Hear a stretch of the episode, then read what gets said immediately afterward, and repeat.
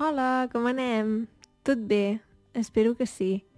Avui et vull parlar sobre els mots crossa. Saps què és una crossa? Una crossa és un objecte, un bastó, que et serveix per caminar.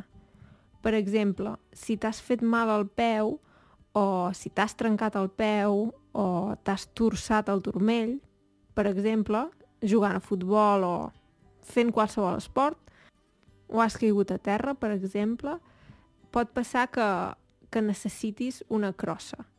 I una crossa és un objecte eh, com un bastó una mica que es fa servir per ajudar-te a caminar millor. Llavors, els mots crossa són mots que fem servir per ajudar-nos a parlar millor, diguem-ne. Uh, són mots que no volen dir res, però que ens ajuden a construir el discurs.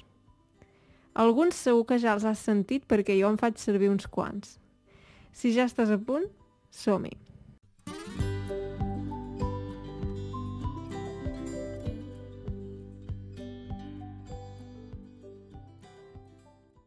Moltes gràcies als meus patrons, que sempre em doneu suport, i també als que em doneu suport a Ko-Fi. Si et fas patron, podràs accedir a més de 40 transcripcions del podcast. O sigui que ja ho saps. Si penses que et podria ser útil o em vols donar suport per continuar amb aquest projecte, et pots fer Patreon o fer-me una petita donació a Ko-Fi. Trobaràs tots els enllaços a sota. Molt bé, doncs parlem dels mots crossa. Un mot que segur que heu sentit és i res, o res. Moltes vegades, quan acabo un vídeo o quan acabo un episodi del podcast, dic i res. És una manera de dir ja hem acabat, ja està. Um, de vegades també dic sí. Faig servir aquest sí per canviar de tema. Dic, per exemple, quan anava a l'escola m'agradava molt l'assignatura d'anglès. Sí, si no hagués dit sí, uh, la frase tindria el mateix significat. És una manera potser d'acabar la frase o de canviar de tema. Um, sí, exacte, ara he tornat a fer servir aquest sí. De vegades també dic, la veritat és que... Ai, doncs la veritat és que feia temps que no ens veiem. Realment és el mateix que dir, feia temps que no ens veiem. I ara també he dit realment, i moltes vegades també el realment es fa servir com a mot crossa.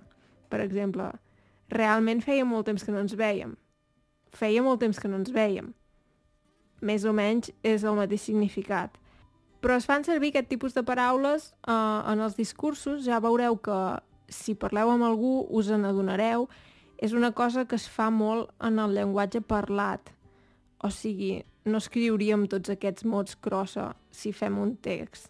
Si llegiu, per exemple, un article, segurament no els veureu. Um, però sí que quan parlem sí que els fem servir. I de vegades també diem bé.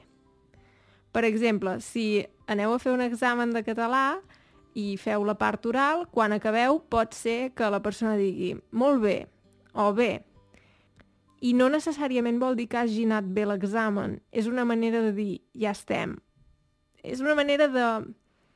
Sí, de dir alguna cosa, però no estem valorant si ho heu fet bé o malament. Sí, això pot causar malentesos, però sí, per això, perquè de vegades això passa. Quan acabes de fer una cosa dius bé, o sí, o el que sigui. També es fa servir molt bueno el que passa que, a veure, és veritat que molta gent fa servir bueno, um, però si podeu evitar-ho, potser millor dir bé, um, però vaja, de totes maneres, el bueno el sentireu.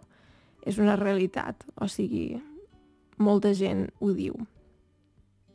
I de vegades també uh, dic vull dir.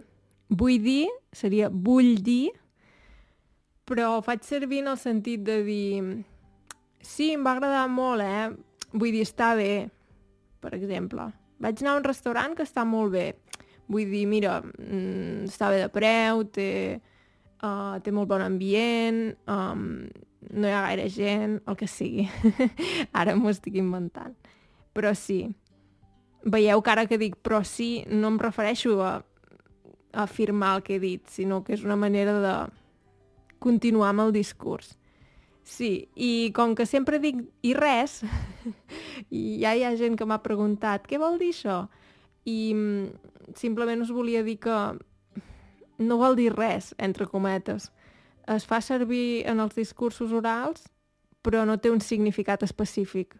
És una manera de canviar de tema o dir que ja s'ha acabat el, el tema que estàvem, que estàvem presentant o que estàvem eh, exposant de fet, això del res es fa servir en altres llengües romàniques també. Per exemple, en italià o en castellà també es fa servir um, aquest ús, per exemple, de la paraula res. O sigui, amb, diguem-ne, amb la versió corresponent en cada llengua. Sí. Uh, espero que aquest tema hagi sigut interessant i res, si em vols donar suport, ja t'ho he comentat, pots fer-ho a Ko-Fi o a Patreon. Espero veure-t'hi ben aviat. Que vagi bé. Adeu!